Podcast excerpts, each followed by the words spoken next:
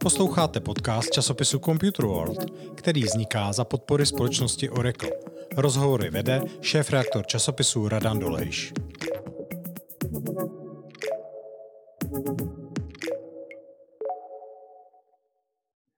Dobrý den, vítám vás u podcastu magazínu Computer World. Dnešním hostem je pan Vladimír Pišner, ředitel pro informační technologie dopravní společnosti DPD Česká republika. Dobrý den, pane Pišnere. Dobrý den. Chtěl jsem se, tady si kupujete něco přes e-shop, vybíráte si zásadně dopravu společnosti DPD nebo volíte i konkurenci? Uh, popravdě prioritou je DPD samozřejmě, ale jelikož my jako nemáme moc těch e-shopů zaintegrovaných, my, nemá, my máme ty velký hráče, ale nemáme ty třeba menší e-shopy, tak tam volím samozřejmě konkurenční, uh, konkurenční služby. A kdy jste si a samozřejmě ty vybranější a lepší samozřejmě. Kdy jste si naposledy něco vybral k doručení logistickou společností? Zrovna dneska s naší konkurencí. A, a, jste, a jste spokojený s tím servisem, který konkurence jo, jo, nabízí? Jo, jo. Nebo, no. Já jsem jako, na druhou stranu, já jsem jako nezá, nenáročný na tyhle ty služby, takže jako vy, mně stačí to doručit, takže nepotřebuji SMSky, nepotřebuji notifikace, nepotřebuji přesměrování, jdu tomu štěstí naproti, že si to posílám do práce, platím si to dopředu, aby to opravdu jako dopadlo. Takže jak, jak člověk jako je trošku jako deformovaný z té jako práce, tak v podstatě tomu předchází, aby jako to měli i ty konkurenti jako co nejjednodušší.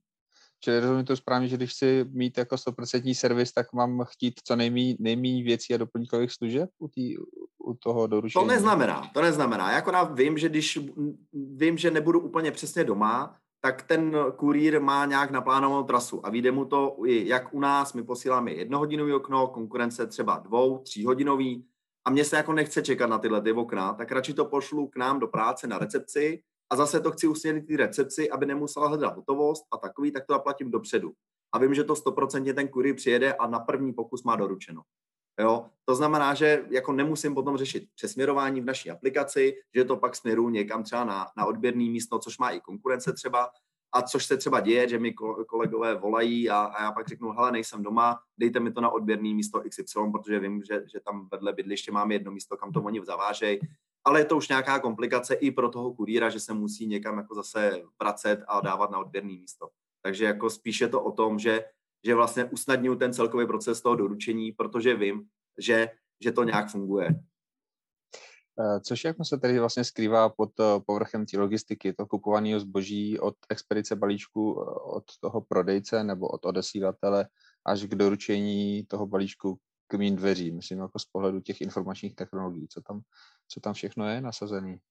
No, zač, teď máme několik druhů jako zákazníků, bavíme se o B2B, B2C, uh, C2C a, a dalších, ale v podstatě řeknou B2B, tak to jsou třeba většinou ty největší, tam je to v podstatě uh, úprava jejich systémů, ať už je to třeba, bavíme se o, já nevím, Microsoftu, Oracle, SAPu a dalších, uh, velký ERP systémy, ty oni si upraví, zaintegrují si naší přepravu, tam vytvářejí v podstatě data pro nás, který posílají samozřejmě k nám pomocí webové služby, FTP, prostě co většinou podporujeme všechno, co chtějí naši zákazníci, vygenerují štítek, nám se vytvoří objednávka vlastně s vozu, neboli že máme na adresu jec, vyzvednou balíky, ty potom svezem vlastně na hlavní překladiště, kde už právě čekáme na ty zákaznické data, což je to nejdůležitější, ty musíme mít opravdu čas, kde potom víme, jak máme tu zásilku směrovat, to znamená, že vezmeme ze skladu, pípneme a oni už vědí kluci na skladě, že to mají dát do kamionu XY, ten jede na to vlastně rozvozový depo a tam následně provádíme tu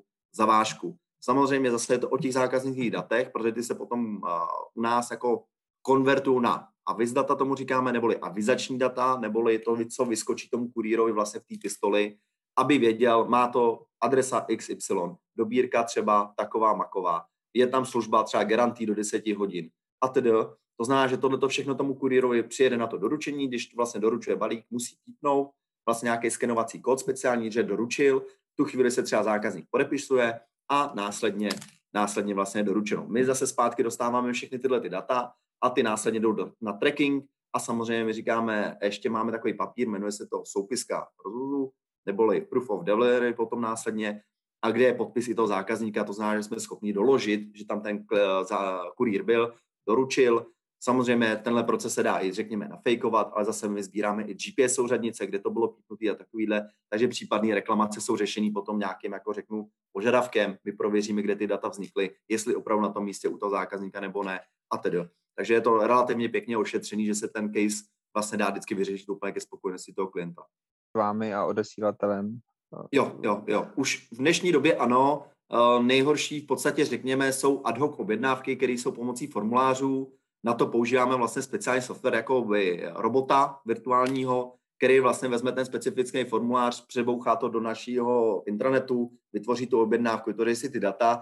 Samozřejmě někdy se stane, že to úplně neproběhne. Máme jakoby úspěšnost, že nebo spíš neúspěšnost nějakých 15%, že 15% stejně jak ty lidi musí udělat manuálně. Jinak všechno ostatní, řekněme, ať už v naší aplikaci na objednání balíků, nebo vlastně u klientů, tak vlastně jde v nějakou datovou výměnou vlastně mezi námi. Takže je to vlastně automaticky vytvořený.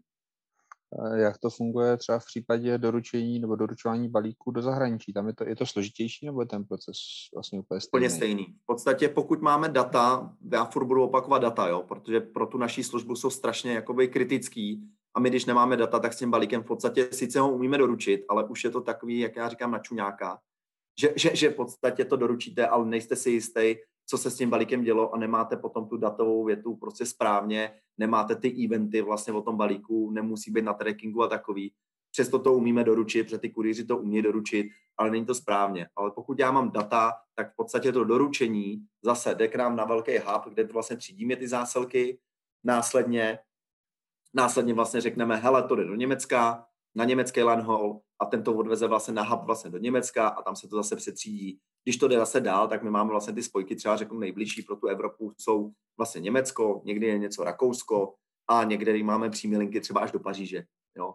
To znamená, že vlastně zase, když mám data, vím, kam to mám sortovat ten balík a je ten proces vlastně velmi hladký. I to doručení potom té Francii nebo v Německu je prostě strašně jednoduchý. Protože my vygenerujeme ten náš vlastně uh, formát datový, vlastně si zákaznických dat a ten posíláme potom přes tu celou Evropu.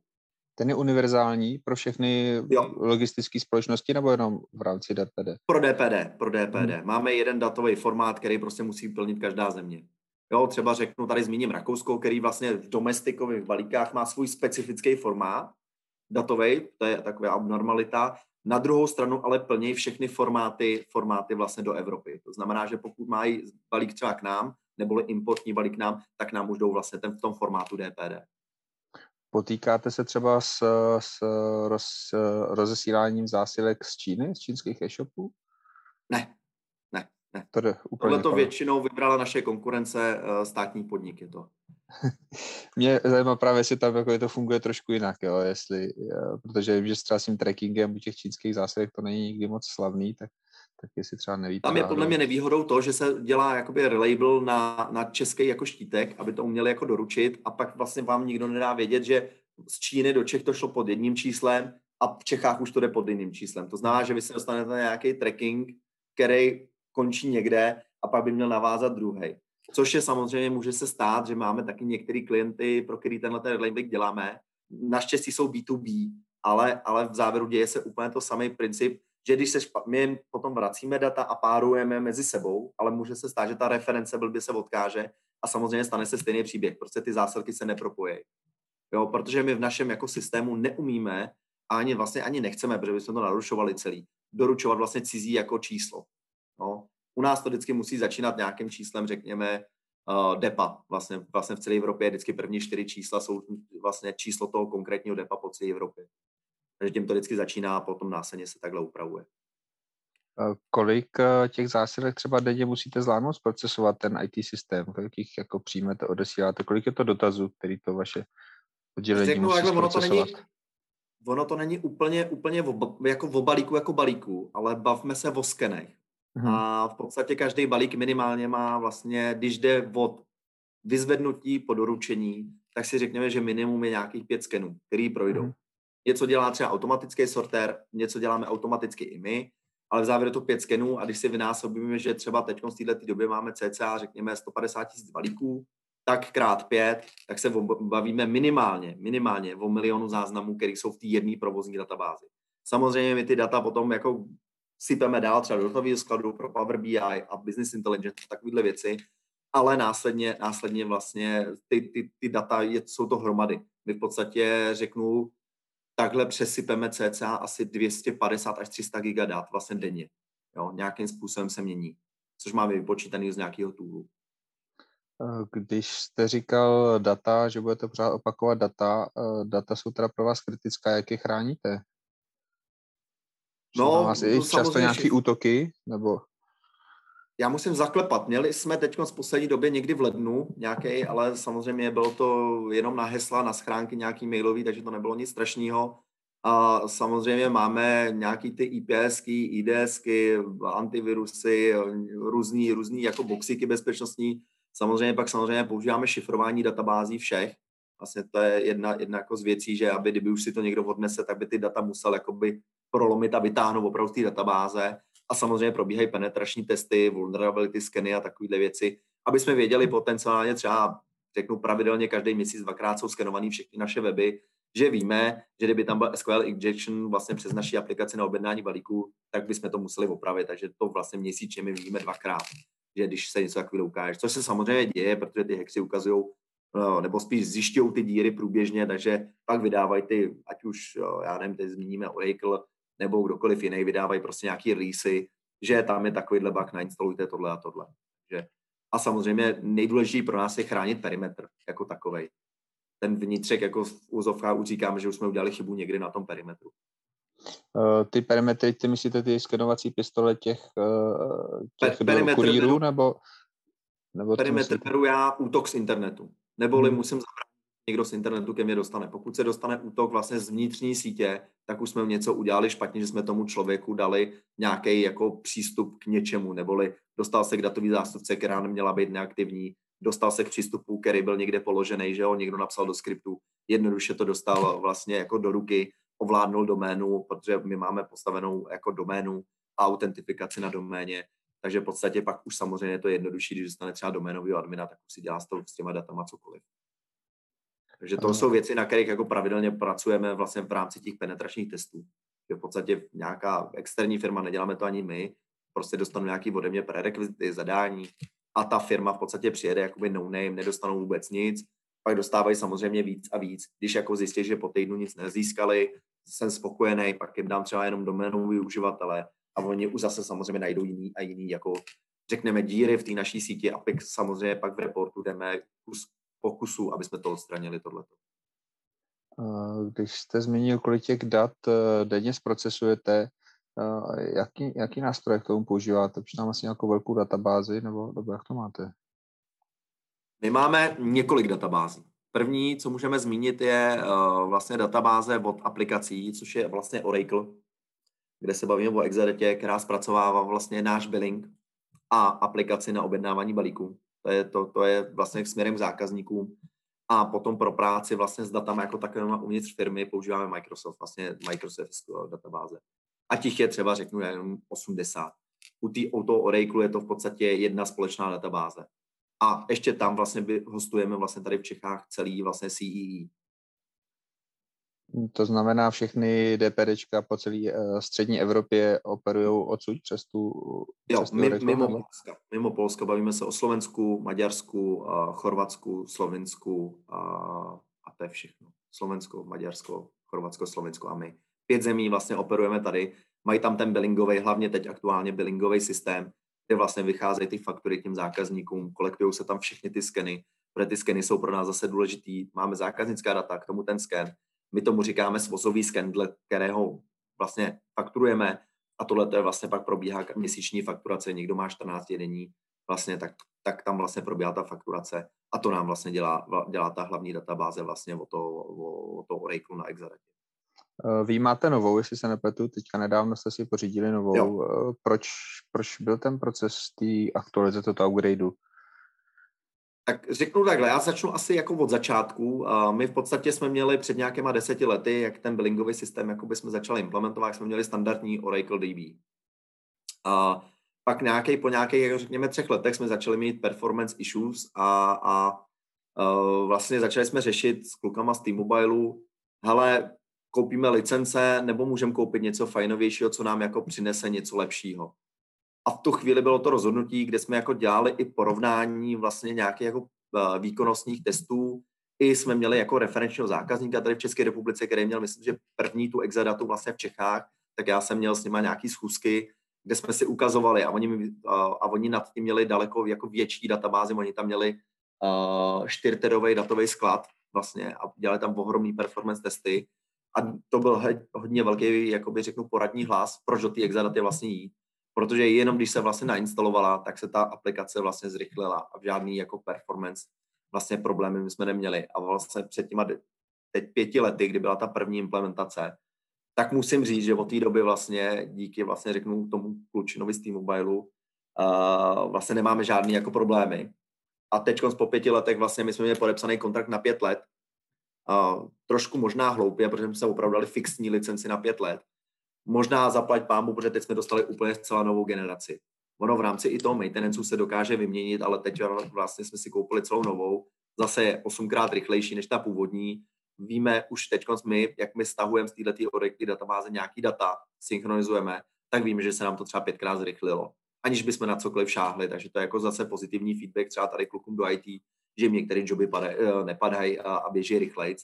A v závěru a ještě jsme se ptali vlastně kolegyn třeba na blingovém oddělení a ty tak jako vidějí mírné zlepšení, ale tam už je to o tuningu těch dotazů jako takových uvnitř databáze, protože to je, jakoby řekněme, specifikum Exadaty, že zase to není úplně standardní Oracle jazyk, ale musí se psát přímo pro tu Exadatu. Takže tam jsme zase se spojení s T-Mobile vlastně trénovali ty naše kolegy v Polsku, který nám to vlastně host, uh, spravují ten systém. Takže jako to bylo hodně společných věcí. A říkám, jako za mě u Oracle, když bych porovnal ty uh, původní ten záměr, že jsme měli jako hloupý jenom licence a Oracle DB a tu Exadatu, tak za mě poměr cena výkony asi jsem převážně do ty Exadaty, by to nejsou malé peníze, ale že vím, že pět let jsem v podstatě neměl vůbec nějaký problém, zákazníci si vůbec nestěžovali, protože tam běží jedna část naší aplikace na objednávání balíků, kde jsme taky řešili, že byly ty servery pomalý, zákazníci stěžovali a před těma pěti lety, když jsme to změnili, tak prostě tohle to neslyšíte. Zná, že to je taky jako pozitivum toho celého. Takže teď jsme vlastně na nějaký jako další tři roky prodloužili vlastně Exadatu, teď jsme dostali novou generaci úplně, která je zase samozřejmě lepší než ta původní, což je z logiky věci nějakého vývoje. Takže to je fajn, jako, myslím, že to je fajn. Šli jste rovnou teda pro ty Hygienic Systems Oracle Exadata, anebo, nebo jste zkoušeli ještě třeba někoho jiného? O, Popravdě byly, byl jako jeden test, kdy jsme se snažili vlastně to hodit do konkurenčního prostředí do Azure, kde bychom hostovali v Azure vlastně Oracle databáze, kde bychom si to uh, nakonceptovali nějakým jako performancem, plus že kdyby to bylo uh, vytížený, takže by se přidávali zdroje a takový, tak to byl jeden test, ale nákladově to bylo za mě jako horší a ta performance nebyla, nebyla úplně stejná, takže jako v závěru vůči jako té Exeratě to prohrálo. Takže to byl jako jediný test, jinak v podstatě první volbou a jenom si jako ubezpečení uh, toho, že ta exadata je to správná volba. Jo. Ale jinak, jinak jako první volbou byla v podstatě exadata, kde jsme si fakt, jako říkám, s tím mobilem sedli a oni řekli, hele, tohle vás budou stát licence a tady máme teda jako nový řešení, pojďme se na něj podívat, je to o nějakou kačku dražší, to je realita, ale v závěru to nebylo o tolik, abych neřekl jako s čistým svědomím, hele, pojďme do tohohle toho. A pravdou je, že jsem tohleto přednášel třeba na boardu vlastně všech ředitelů v CEE, e, kde jsem já objasňoval, proč Exadatu, proč budeme utrácet takové peníze, co nám to všem přinese a takovýhle. A i ty ředitelé pochopili, že tohleto řešení je jako lepší. Další otázka eh, na tu exadatu ještě. Jste říkal, že, že, že je osmkrát rychlejší a tak. Eh, to jsou vaše nějaké interní metriky, ale vaši zákazníci teda to poznají, takže to všechno funguje, jak jste říkal, a nikdo se nestěžuje. Jo, jo, oni, oni jako nepoznají asi úplně zrychlení té mhm. aplikace, hmm. protože ta běží nějakým jako, řekněme, rychlostí a ono to prostě nebude prostě o 20 vteřin rychlejší. Prostě já říkám, tam to musí být nakliknutí a hned najetý tak takhle by to mělo fungovat a to je ten chtěný ten proces. To znamená, že oni tu rychlost nepoznají, já to poznám spíš na backendu, když děláme třeba celkovou fakturaci, že netrvá třeba řeknu hodinu, ale že trvá 20 minut. Že moje loady, které trvaly 5 hodin, tak najednou trvají, já nevím, hodinu a půl. Jo? To znamená, že jakoby to zrychlení je, tabulkový je 8 krát rychlejší od Oracle, my to poznáme na těch našich jako věcech interních, kde jako Není to dobře osmkrát, ale v závěru se dostáváme opravdu na pěkný a zajímavý časy, který, který pro nás jsou jako relativně, můžeme říct, zásadní, protože my, jak měříme jako všechny ty datové toky, snažíme se mít ty data včas, protože říkám, každá minuta, když to vypadne, je prostě strašně drahá, protože kolikrát, když by vám vypadly data celkově, tak ty ráno ty kurýři v podstatě všechno dělal manuálně, včetně jako zadávání adres u každého balíku. A dokážete si představit, co to je, když tam máte 100 kurýrů a má tam na depu ten vlastně depo manažer nějakých 20 tisíc balíků. No, tak samozřejmě ta nálada je úplně fantastická a myslím si, že kdyby přišli ty kluci do naší kanceláře tady na IT, tak jsou hodně spokojení. Dobře. Uh, chtěl jsem se, ještě přemýšlím, na co bych se vás zeptal uh, k té uh, k tý exadatě, už není nic moc. Já mám třeba zajímavost, co no. mě jako pobavilo docela. Uh, byla vlastně, teď vlastně, uh, vlastně, a teď musím zmínit jako osobu, jo, jestli to nevadí. Jako Mirek Šebek vlastně z té mobilu, vlastně jsme na, na, udělali tu migraci z té původní na tu letu, jsme to zvládli za cca měsíc. Jo. A to beru, že od, do, od doručení, zahoření, uh, od Oracle kluci, že to přijeli, nainstalovali a plus naši Poláci, že to stihli naimplementovat tak, jak jsme přesně potřebovali. Já měl fakt jako strach vlastně ještě v březnu, že to nemůžeme stihnout, protože nám vypršovaly licence, řeknu v květnu a vlastně Oracle neměl řešení vlastně, jak nám to udělat. Být zase Mirek Šebek vyjednal nějaký jako s Oraclem, že bychom tu licenci nějakým způsobem o dva měsíce jako uh, prodloužili, ale na druhou stranu prostě je to nějaký riziko, co kdyby se to nepovedlo, něco se stalo, prostě není to dobrý. A do tohoto stavu já jsem se nechtěl dostat, že něco někde padne, protože když se jako představí, tak v té aplikaci je cca aktivních cca 9 tisíc klientů. A plus jako billing pro dalších, já nevím, 20 tisíc klientů. To znamená, že jako to, ten dopad jednodenní by byl strašlivý úplně. Jo. Takže jako z toho bylo dost nepříjemná jako situace.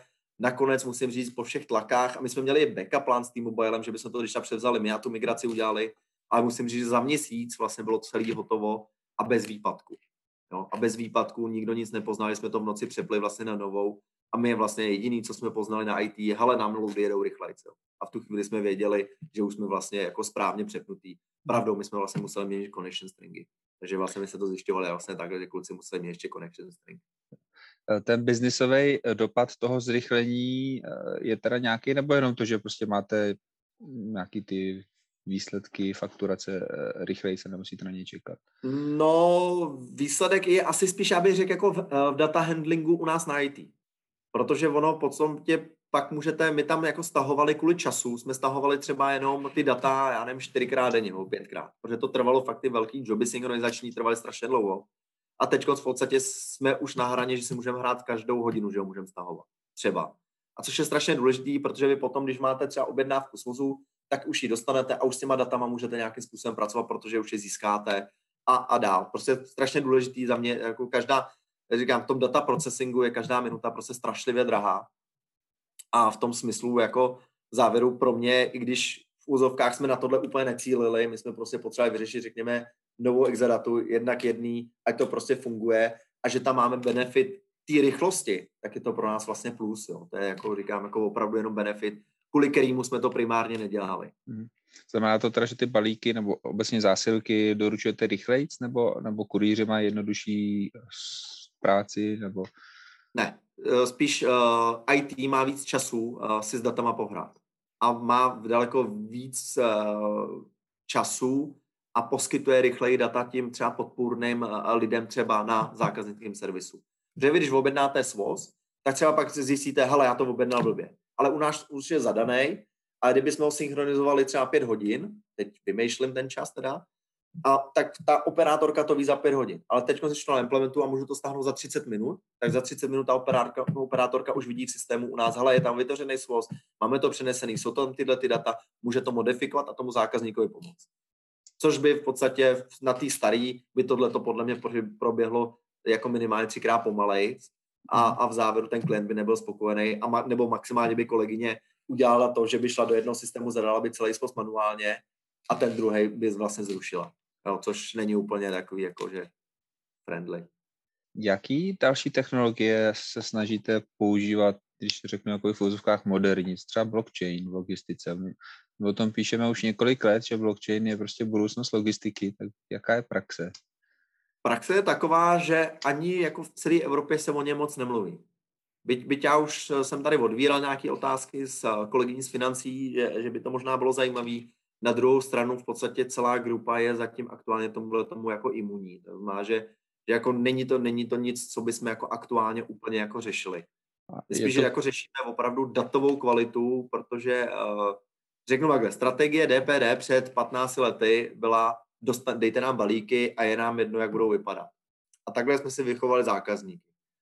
A, a je to bohužel teď jako těžký je v podstatě přes celou Evropu jako vrátit a říct, hele, my jako balíky chceme, ale co k němu potřebujeme, jsou prostě data. Jinak vám to prostě nedáme v té kvalitě, kterou vy očekáváte. A je prostě pak jako složitý prostě se všema koordinovat a, a já to chápu, protože z IT hlediska já vím, co to je, znamená úprava třeba řeknu SAPu. No.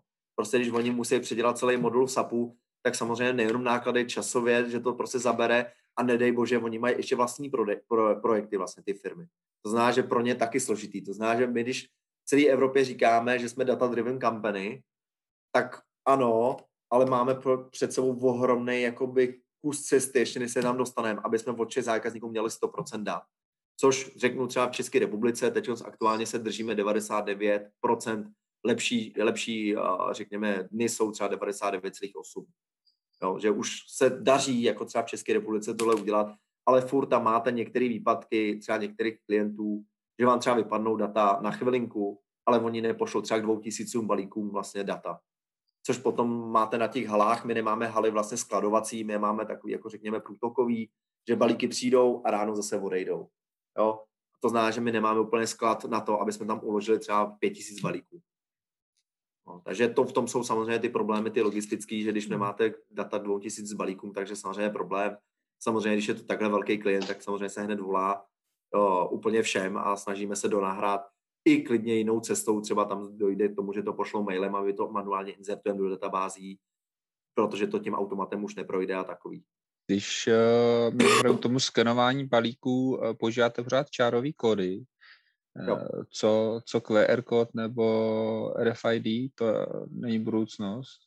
Uh, RFID uh, u nás jako používáme tam jako problém s cenou, protože ten čip jako stojí nějaký peníze a nejsou úplně mrňavý a v závěru, jako kdyby jsme to jako dali čistě teoreticky k ceně balíků, tak samozřejmě ne každý si objedná potom balík za 200 korun, protože ten čip jako není levný. Ale vím, že to testují ve Francii, vlastně je to automaticky odborování lineholů vlastně na hub, je to, funguje to jako nějaká korektura, že ty balíky přišly na ten hub, jsou to první skeny průchozí, to víme, říkám, tady je problém, problém vlastně jenom s těma cenama, protože ten čip, já nevím, jestli si pamatuju správně, byla cena 30 korun tady v Čechách za jeden, samozřejmě, když tohle to potom dáme zákazníkovi za, tři, za 30 korun, což v Čechách jako lidi jsou hodně citliví na cenu, tak samozřejmě je to problém nějaký svým způsobem.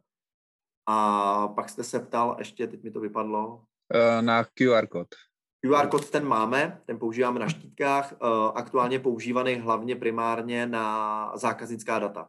To znamená, že když vidíme, že balík nemá data, tak kurýr si může pomoct tomu, že pípne vlastně ten QR kód a tam mu ty zákaznické data vyjedou.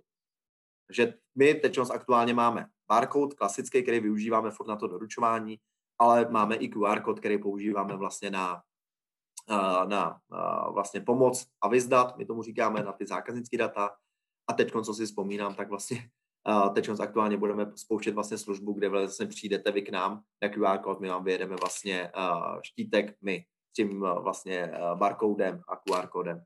Ale to bude, říkáme tomu, digital label, kdy vlastně si vytisknete, nebo přijdete vlastně s mobilem, tam bude QR kód, my ho skenujeme a nám to vytiskne ten správný štítek. Uh, říkal blockchain, že vás zatím moc nebere, co třeba umělá inteligence. Používáte ji někde? Uh, my aktuálně, řeknu to takhle, používáme na predikci balíku na další den. Tam máme vlastně v úvozovkách, řekněme, umělou inteligenci, tam máme nějaké algoritmy vypočítané, používáme tam uh, služby od Microsoftu na tohleto.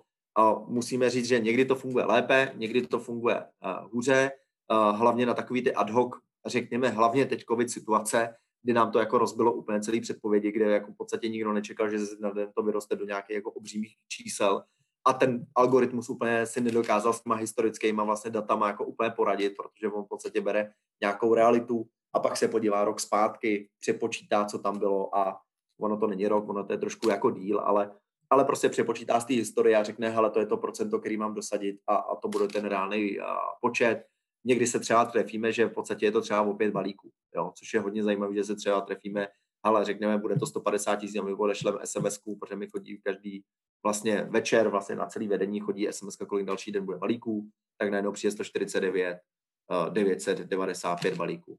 Jo. Což je jako pěkný potom, že víte, že ta technologie jako funguje. To je jako jedna věc. A pak my spíš jdeme robotizací, cestou robotizace. Máme nějaký ty digitální roboty, kde v podstatě vám simulují lidskou práci, neboli rutinní činnosti, co ten uživatel dělá, tak tím letím mu pomáháme vlastně tou automatizací těch procesů. To je vlastně ten cíl, kam my se chce dostat. Prostě lidi a dělají přidanou hodnotu, ale nedělají prostě nějaký jako rutinní kroky, který prostě ubíjejí. Uh, jak lidi, my potřebujeme, aby přemýšleli, aby dělali takovou tu lepší práci, než, než vlastně kopírování, já nevím, dat z pole A do, do bodu B. Jo. To je prostě to je old school a, a na to jsou prostě roboti, asi můžeme pomoct. To třeba umělá inteligence pro komunikaci se zákazníkama na inflinkách nebo, nebo, nebo přes web. Zkoušeli jste to? Uh, aktuálně běží chatbot, jestli ho můžeme zařadit do vlastně nějaké jako umělé inteligence. Samozřejmě zase je to dlouhodobá práce, nejenom, že to běží, ale samozřejmě musíte reagovat na ty lidi, takže se připravují ty workflow na pozadí, jak má reagovat, jak má odpovídat. Ale teď aktuálně přemýšlíme o voicebotovi.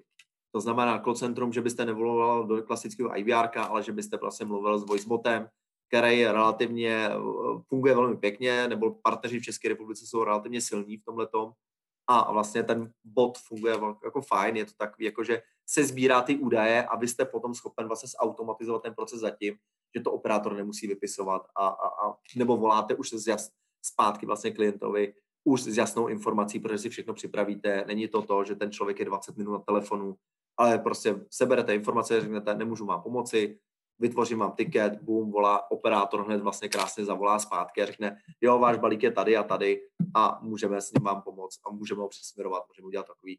Řeknu, takhle blbý je, že většinou tyhle ty umělý vlastně, řekněme, inteligence, ať už chatbot nebo voicebot, tak vlastně budou řešit, jako, když to bude klasický čistý balík, tak to vždycky proběhne. To oni si umějí poradit, protože to workflow je jasně daný end-to-end. Ale většinou, proč ty lidi volají, jsou nějaký problémový, že jsme něco neudělali správně, nebo že se to někde zaseklo. A tam už nevidíte, že ten balík je rozbitý, protože spadnul z dráhy nebo něco takového. A to fakt musí ten člověk vlastně jít, podívat se a zjistit a zavolat. Ale pojďme, já, já říkám, a kolega z Customer Experience vlastně říkáme, pojďme to udělat co nejjednodušší, co nejplynulejší, co nejvíc automatizovaný, aby v podstatě nás to nezabilo, ať už vnitřně DPD, ale i to zákazníka, aby v podstatě jako ne, neříkal si, hele, já tady vždycky mluvím s plechovou hubou, čekám tam 20 minut, pak mi paní řekne, že mi nepomůže a stejně jak to nedopadne, jo. Což úplně zážitek jako zákazníka je strašlivý. Eh, nepomohly by náhodou ty RFID čipy v tom, že ten balík, že budete vidět, že spadne právě z toho dopravního pásu, rozbije se zrovna tady někde? Jo, tak jako třeba ano, ale vy stejně musíte mít ty skenovací brány potom, mm. které samozřejmě taky nejsou levný. Jo. To znamená, že a pak tomu potřebujete třeba mít napárovanou i kameru k tomu vlastně skenování, což vlastně funguje teď na hale. Máte, pípnete balík a k tomu ty pistoli, která pípá balík, máte připojenou kameru, takže vidíte, kdo ji pípnul, kde ten balík byl, co se s ním dělo, jak si ten kurýr manipuloval, nebo ten skladník. A tedy. Takže jako ono zase potom, když vezmete ty kolem a kolem ty náklady, tak oni jsou strašliví. My už jsme jako protože my kolikrát jsme třeba na hale zjišťovali, kde ty balíky máme a aktuálně teď jako máme lokace. Když vezmete balík, pípnete čárový kód vlastně lokace, tam dáte ten balík a víte, že je na tom místě. To je standardní proces. Ale bylo by fajn, abyste po celý dálečkový, vlastně dálečkový dráze na všech depech měl bránu, která by průběžně třeba každý tři metry skenovala ten balík. No ale když tohleto nákladově pak spočítáte, tak zjistíte, že jste v jednotkách milionů korun a není to úplně levný. Takže ten business case vám jako potom samozřejmě jako nevíde protože my nejsme ty, co by jako úplně ztráceli balíky. Jo. My se bavíme o jednom procentu balíků, který jsou nějakým způsobem problémový. Jo. Takže potom, když dáte náklady za balík, co nám to jako přináší, nebo ta manipulace, čím je jako horší, tak potom třeba tahle ta věc vám prostě úplně biznisově nevejde. Poslední věc, na kterou jsem si chtěl zvat, jsou kurýři. Ty jsou vždycky takový, že podle nich se soudí pak ta společnost, jak se ten kurýr chová a tak ale měl jsem spíš na mysli jakoby dotaz na, na cestování toho kurýra. Vy mu říkáte, jak má ty balíky, který má naložený v té dodávce rozvést, nebo to je striktně jako na nějakých jeho zkušenostech, jestli má jasný dřív na adresu A nebo B, nebo jak řešíte ten obecný, ten známý problém toho obchodního cestujícího? My mu přímo říkáme, jak má jet. V podstatě ráno on vlastně dostane balíky, máš, já nevím, teď vymyslím, 200 balíků na dnešek, vlastně on si zoptimalizuje celou tu trasu, tam mu software řekne, hele, zastávka A bude tady, tady, tady, tady protože jemu musí ještě do té trasy vlastně naskáčou některé svozové balíky, protože on nejenom, že rozváží balíky, tak je ještě sváží. To znamená, že do té trasy započítáme oba dva a pak tam máte garantované služby. To znamená, že garantovaná služba je do 10 do 12, takže tyhle ty balíky musí mít přednost. A my mu pak vlastně řekneme, tohle je tvoje trasa, kterou dneska pojedeš. A on v podstatě jede vlastně, může v vozovkách jako robot jet přesně podle toho, co mu říká ta navigace a co mu říká, hele, teď jedeš takhle, tamhle, tamhle a takhle. A to by za nás mělo být ta nejoptimálnější nákladová vlastně trasa, kterou by ten kurýr měl jet. Samozřejmě, samozřejmě je to potom na tom, že máme správně data, protože ne po každý dostaneme úplně správně adresy, tak samozřejmě může dojít k tomu, že najednou tam přeskočí špatně adresa, GPS souřadnice je špatná k tomu na tu optimalizaci, takže zase musíme řešit kvalitu dat a pak kolegové vlastně z provozu, který se starají vlastně o tuhle tu optimalizaci, tak musí zadat správně k tomu případu tu, tu GPS souřadnici. To musí být ale strašný výpočetní výkon, ne? Na to spočítat tu optimalizovanou trasu, když třeba nevím, kolik on může doručit balíku 100-200 za den. No, asi ano, ale my to máme jako službu. To znamená, že my vlastně připočítáme data, ty data vezmeme, pošleme někam do cloudu, cloud je spočítá, vrátí nám výsledek. Jo, my máme na to partnera, uh, společnost, uh, teď co to dělá po celé Evropě, je to národní společnost, je to vlastně vybraná společnost naší grupou, Uh, možná ji budeme teď v budoucnu měnit. Teď nevím, jaký důvody byly, ale myslím, že největší zkušenost je z UK, kde vlastně jsou trošku jako dál než všechny DPDčka, tak tam možná budeme měnit, protože to dělají trošku jinak. Ale pravdou je, že ten výkon vlastně my neřešíme. V podstatě hmm. ten výkon je někde v cloudu a, a ta služba jako musíme říct, že funguje. Jako jestli máme výpadek jednou do roka, tak je to moc. Jako tohle to. Tak a poslední zásadní otázka, jaká je budoucnost logistiky, kdy už nepojede za mnou kurýr, ale přijede auto bez řidiče, nebo případně, když bydlím ve vyšším patře, kdy za mnou přiletí nějaký droník a mě to hodí na balkon. Tak droník, kdybyste byli ve Francii na jedné eh, vlastně trase, tak tam už drony lítají. Tam v podstatě eh, nějaká 30-kilometrová trasa, kde je vlastně ustálená linka mezi tou vesnicí a Paříží, kde vlastně letí drona, doručuje balíky, takže to máme nastavený blbý jsou regulace a letišní plány a takovýhle, takže to jako není úplně pro ty drony optimální, ale doručení si myslím, že umějí všichni, jako by a i konkurenti ty větší, nadnárodní, tak ty už tyhle ty drony mají taky. Ale třeba dokážeme si třeba ohledně dronu představit, že v podstatě jede ten kurýr a to my testujeme, že jede kurýr dodávka, má na dron a v podstatě máte třeba v těch alpských vesnicích, že by jel tam prostě já nevím, hodinu nahoru, tam je barák a tam by doručoval a hodinu zase zpátky. Jo. Tak on vlastně jede jinou cestou, vyletí ten dron vlastně s balíkem, doručí ten balík tam do té, řeknu, chaloupky a z chaloupky zase sletí vlastně a potkají se někde na místě vlastně v jiné vesnici, kde ten kurýr pokračuje. Což si dokážeme tohle představit. Je to i testovaný, už bylo proběhlo pár testů, funguje to velmi dobře, ušetří to kurýrovi hodně práce, relativně s tou cestou, kde by ztrácel. Takže tohle si myslím, že asi fungovat bude. Uh, nevím, jak s těma autonomními autama, tam si myslím, že jsme ještě, ještě jako, ty jsou ještě před námi hodně daleko. Aby, aby jako v podstatě jelo auto samo a doručoval balík. Ford si myslím, že ještě nějakých pár let to potrvá, než se udělají nějaké jako regulace na to, že to může jezdit, než vychytají vlastně, co ty auta jako umějí, že budou se správně řídit v tom provozu, a že nesrazejí člověka, že prostě si v kolonách poradí a takovýhle, takže ale, ale v podstatě jako budeme muset jako dříve nebo později jako řešit třeba city logistiku kde my v podstatě spouštíme třeba kolisty, pěší doručovatele a takovýhle, tak tam jako to, to si myslím, že je hodně před námi, protože ty vlastně velký města uzjavírají ty centra, aby tam ty dodávky nejezdily. Jo. A, a v podstatě ještě, když jako zmíním u nás, tak vlastně my řešíme to, že třeba Praha bude celá elektrická. To znamená, že nebudou jezdit dodávky normálně na naftu, ale prostě všechny elektrický. U nás v Čechách vlastně je to Praha, Ostrava, to jsou první dvě pilotní města, my chceme ještě udělat Brno, tak to by byly tři města, které budou elektrický. V Evropě je to na, a teď si si to správně číslo, na nějakých 400 měst, které budou mít v podstatě celý full elektrický a budou CO2 neutrál. Takže to je ten cíl, který my máme a myslím, že to je hodně, hodně blízká budoucnost. Než aby byla autonomie, vlastně, že to auto vlastně elektricky přijede samo a, a bude řízený vlastně nikým. Jo, tam Takže spíš proces... přijde, kury, bu, přijde buď kurýr pěšky, anebo přijde elektrickou dodávkou. Rozumím to jo, správně. Jo, to je spíš jo, blížší budoucnost než, než, no, no, než no. lítací drony. Jo, a třeba velmi dobře fungují prostě ty kolisti, jo. To je jakoby až, až nečekaný, že v podstatě doručují vlastně tady je de, depo, City Depo Tišnov, vlastně spuštěný před cca půl rokem, sedmi měsícema a to funguje velmi dobře. Tam doručili teď, pokud si pamatuju správně číslo, před dvou měsíci nějaké 80-90 tisíc balíků, což není vůbec malý číslo a jezdí to v podstatě na kolech, že mají přívěs, vlastně mají elektrokolo a, a jako doručují takhle velmi dobře. To znamená, a, a v těch centrech si myslím, že takovýhle doručování bude protože ta dodávka ne všude se dostane v těch uličkách, zvláště v Praze, prostě je to, i, to, i to parkování, zastavování, prostě je složitý.